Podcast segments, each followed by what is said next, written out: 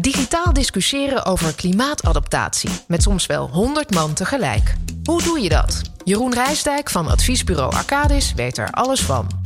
En de directie participatie van het ministerie van Infrastructuur en Waterstaat tilt brede dialogen naar een hoger plan.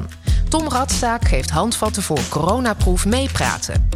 Ik ben Annette van Soest. Dit is de podcast van het Delta-programma Ruimtelijke Adaptatie. De podcast voor iedereen die werkt aan klimaatadaptatie. Met praktische informatie en inspirerende voorbeelden. Dit is Ruimtelijke Adaptatie. Hoe dan? Risicodialogen voeren over klimaatadaptatie. Dat is op zichzelf al een uitdaging en nu moet het ook nog eens digitaal. Hoe doe je dat? Daarover gaat deze eerste serie afleveringen van deze podcast.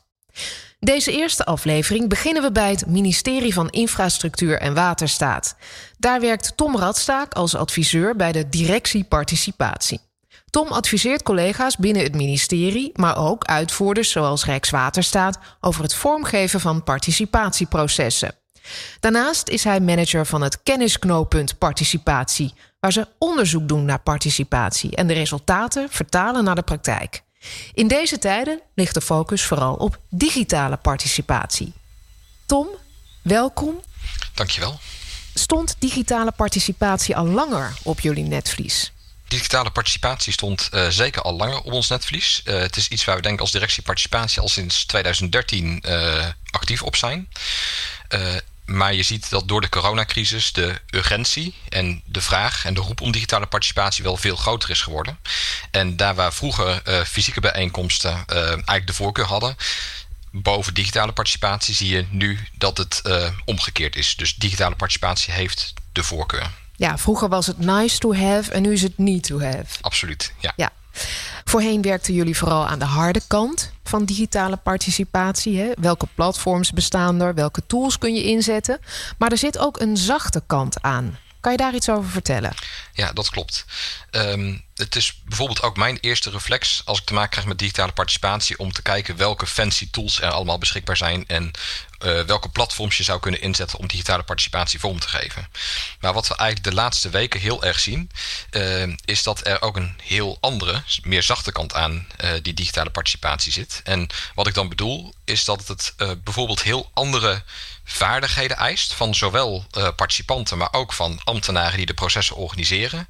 Uh, hoe je eigenlijk je moet gedragen of wat je nodig hebt in zo'n uh, digitaal participatietraject.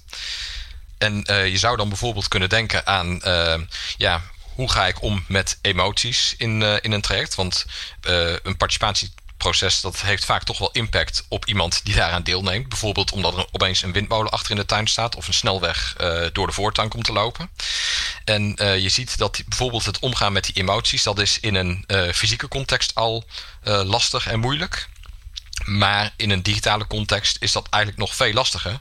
Vooral ook omdat je bijvoorbeeld non-verbale communicatie veel minder makkelijk kunt interpreteren. Jullie zijn daarmee aan het experimenteren, ook ervaringen aan het ophalen. Kan je daar al iets van delen? Ja, dat klopt. Um, wat we uh, vooral proberen te doen is de ervaring die op dit moment overal opgedaan wordt, om die uh, bij elkaar te brengen. Zodat de lessen niet uh, in de hoofden van individuele mensen blijven hangen, maar dat iedereen daarvan kan leren. En wat we bijvoorbeeld nu al zien, is dat het niet goed werkt om een hele grote groep uh, emotionele mensen in bijvoorbeeld in één Zoom-meeting te stoppen. Het werkt dan veel beter om het kleinschalig aan te pakken en bijvoorbeeld te werken met maximaal vijf of tien mensen. Um, of ga bijvoorbeeld, stop niet vijf of tien mensen in een uh, Zoom-meeting, maar zoek ook individueel contact om die emotie beter een plek te kunnen geven. Um, en dat zijn al lessen die we zien. En ik verwacht de komende periode ook in samenwerking met een aantal universiteiten nog meer lessen op dat vlak te kunnen delen. En op welke manieren helpen jullie die informatie te verspreiden? Uh, we hebben tot nu toe uh, twee publicaties geschreven. Die staan op onze website. Dat zijn gewoon ja, platte PDF-documenten. Maar de komende periode gaan we ook kijken hoe wij uh, op meer interactieve manier ook onze kennis kunnen delen. En dan zou je bijvoorbeeld kunnen denken aan een webinar, een podcast, animatiefilmpjes. Um, en we willen vooral ook heel graag in gesprek met de mensen die die ervaringen opdoen. Um, en wat misschien wel leuk is om ook uh, te vermelden, is dat wij op 17 juni een uh, digitale sessie organiseren over crisisparticipatie. Uh, dat zal voor een deel ja, zenden zijn van experts vanuit de praktijk en de wetenschap. Maar we willen daar ook zeker de interactie aan met de deelnemers. En aanmelden daarvoor kan via onze website op kennisknopenparticipatie.nl. Er liggen nog wel wat uitdagingen. Hè? We zijn nog maar net begonnen. Mensen zijn bijvoorbeeld geneigd offline bijeenkomsten één op één te vertalen naar digitaal. Ja. Wat is wat dat betreft jouw advies? Uh, mijn advies wat dat betreft is om vooral niet bijeenkomsten één op één te vertalen van offline naar online. Maar vooral uh, terug te gaan naar het doel wat je hebt met je bijeenkomst. Participatie is nooit een doel aan zich, maar een middel om iets te bereiken. Dus ga ook nadenken welke doelen heb ik met de oorspronkelijke bijeenkomst of de oorspronkelijke dialoog. En kijk hoe je die doelen kunt vertalen naar een online omgeving. En welke middelen daar dan vooral ook bij passen. En het, kan dan best, het is dan best denkbaar dat daar waar je vroeger een grootschalige offline bijeenkomst zou organiseren, dat je nu een interactieve website opent uh, en misschien een aantal webinars organiseert. Dus een heel andere vorm kiest. Uh, dus ga ook vooral terug naar het doel wat je hebt en bedenk dan pas hoe je dat doel gaat bereiken. Ja. Hoe zorg je ervoor dat je in al die digitalisatie niet bepaalde doelgroepen mist? Dat is een uh, heel terecht punt volgens mij. Uh, het risico bestaat dat je bepaalde doelgroepen uitsluit. En uh, wat daarvoor het devies is, en dat is eigenlijk ook altijd mijn devies bij ja, fysieke bijeenkomsten, is dat je moet gaan voor een mix aan middelen elk middel wat je kiest sluit per definitie een bepaalde doelgroep uit.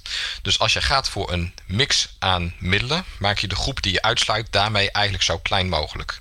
Aan de andere kant zie ik nu ook al de afgelopen weken dat ja, de digitale participatie ook kansen biedt. En dat het ook uh, bepaalde groepen die je normaal niet tegenkomt in een participatieproces, die zie je nu opeens aan tafel zitten. Ik uh, keek op de achtergrond mee bij een sessie van de uh, provincie Utrecht.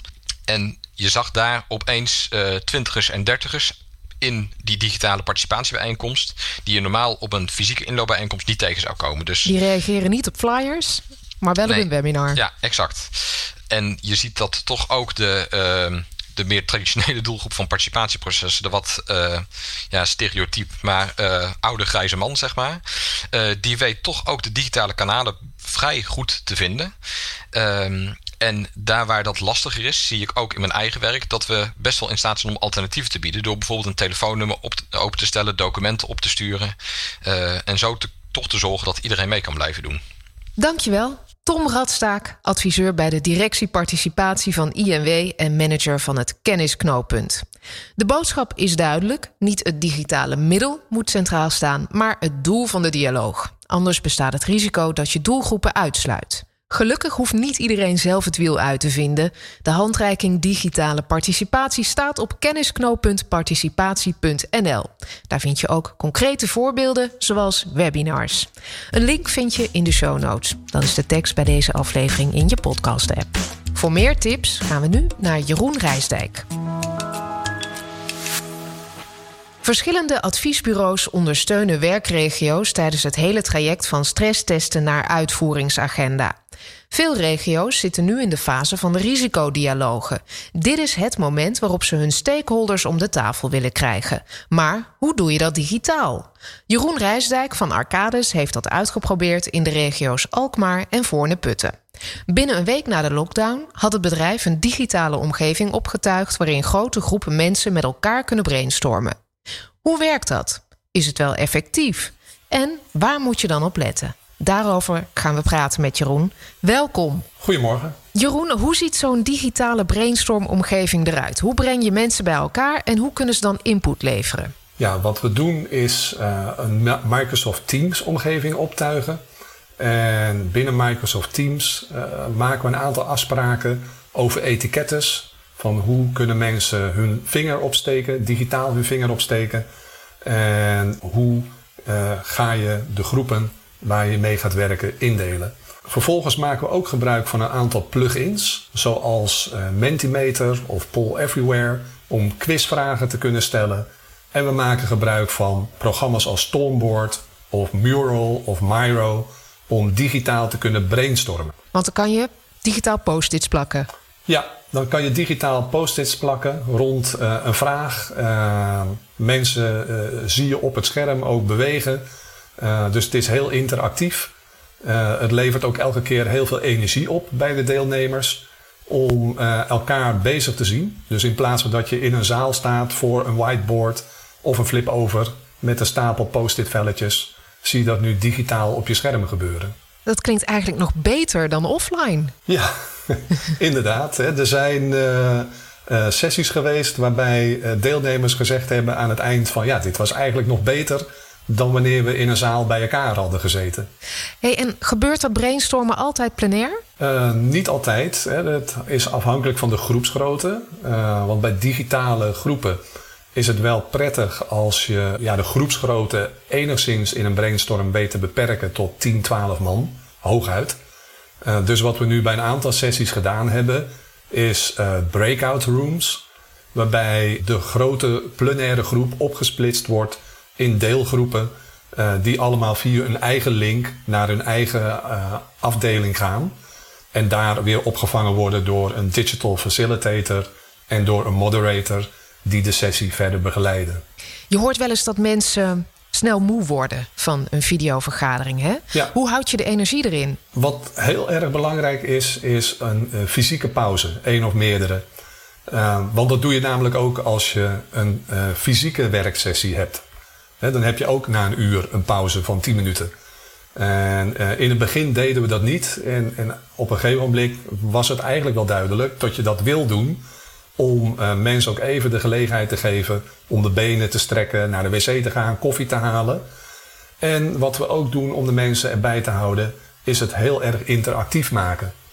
Dus zorgen dat je quizvragen stelt, hè, dat je met z'n allen een wordcloud creëert uh, rond een thema, rond een vraag op het scherm. Uh, of ga multiple choice vragen stellen rond, rond stellingen. Uh, waarbij je de uitslag ook live op het scherm ziet gebeuren in een staafdiagram. Hè, dat je kan zien van, oh wacht, de meeste mensen hebben op antwoord A gestemd, waardoor je weer een stukje discussie krijgt. En dat tezamen met ook de, de digitale brainstorms, waarbij mensen ook zelf via een tweede scherm of via een smartphone uh, continu bezig zijn om zelf input te genereren. Uh, ja, dat zorgt ervoor dat de energie vastgehouden kan worden in de sessie. Ja, Houd mensen betrokken dus. Zorg voor interactie. Ja. Um, waar moet je nog meer op letten tijdens zo'n digitale dialoog? Uh, bijvoorbeeld aan de voorkant, tijdens de voorbereiding. Heb je een lijstje met tips voor ons? Nou, wat heel belangrijk is, uh, dat zijn we eigenlijk wel meteen uh, van uitgegaan, is dat je de IT-kant even loskoppelt van de voorzittersrol. Dus elke sessie die wij doen bestaat uit een facilitator die zorgt dat alle automatiseringsonderdelen goed werken. En een moderator die feitelijk de rol van voorzitter heeft. En daarnaast kunnen er nog mensen zijn die inhoudelijke toelichtingen geven. Die rolverdeling van iemand houdt zich bezig met de automatiseringskant. Versus iemand houdt zich bezig met het leiden van uh, de sessie. Ja, dat is wel cruciaal gebleken om het soepel te laten verlopen. Jullie hebben al try-outs gehouden in de regio's Alkmaar en Voorne-Putten. Waren de mensen daar enthousiast over? Want er zijn altijd ook digibeten die niets moeten hebben van al die moderne foefjes. Hoe werd er gereageerd? Ja, nou, dat is wel uh, heel leuk dat je dat zegt. Uh, er zijn overigens meerdere sessies geweest, ook projecten al uh, invulling. Waarbij sommige deelnemers gezegd hebben aan het eind van ja, dit was eigenlijk een sessie van bijna drie uur. En de energie is nog steeds aanwezig aan het eind. In andere sessies hebben we inderdaad wel gemerkt dat er redelijk wat uh, mensen moeite hadden om met de digitale kant om te gaan. Uh, maar die uiteindelijk dan toch gezegd hebben aan het eind van ja, ik was sceptisch, maar het is me eigenlijk alles meegevallen en het was nog hartstikke leuk om te doen ook. Dus die werkregio's die willen hun dialogen in het vervolg wel op deze manier gaan voeren? Ja, daar zijn we al mee bezig. Deze week hebben beide regio's uh, een digitale klimaatdialoog. Uh, waarbij de regio Alkmaar al aan zijn tweede digitale klimaatdialoog begint. Omdat we de eerste twee weken geleden al gehad hebben. Dus het is uh, zeker een succes te noemen. Het is vooral heel erg mooi om te zien dat, dat je door kan gaan in het hele proces van wat het Deltaplan nu aan de gemeentes en de waterschappen vraagt. De planning kunnen we gewoon blijven volgen om eind dit jaar de dialogen gevoerd te hebben en tot een uitvoeringsagenda uh, gekomen te zijn. Uh, waarbij je anders ja, een half jaar of misschien wel nog langer stil had gelegen. Ja, en, en denk jij dat deze werkwijze dan ook na de coronatijd nog toegevoegde waarde zal hebben? Dat er op deze manier een, een, digitale dialoog zal blijven ontstaan? Ik denk dat heel veel van de samenwerkingsvormen die we de afgelopen 2,5 maand uh, verkend hebben met elkaar, tot heel veel van die samenwerkingsvormen een vaste plaats zullen innemen, ook na het coronatijdperk. En, en natuurlijk, soms is het uh, mooier om met z'n allen bij elkaar te komen. Maar dit is een volwaardig alternatief om uh, grote groepen uh, digitaal bij elkaar te brengen. En dan toch gewoon met het onderwerp aan de gang te kunnen. Dankjewel, Jeroen Rijsdijk. Het is dus echt zo ingewikkeld niet, digitaal vergaderen. Ook interactieve elementen zijn gemakkelijk in te bouwen.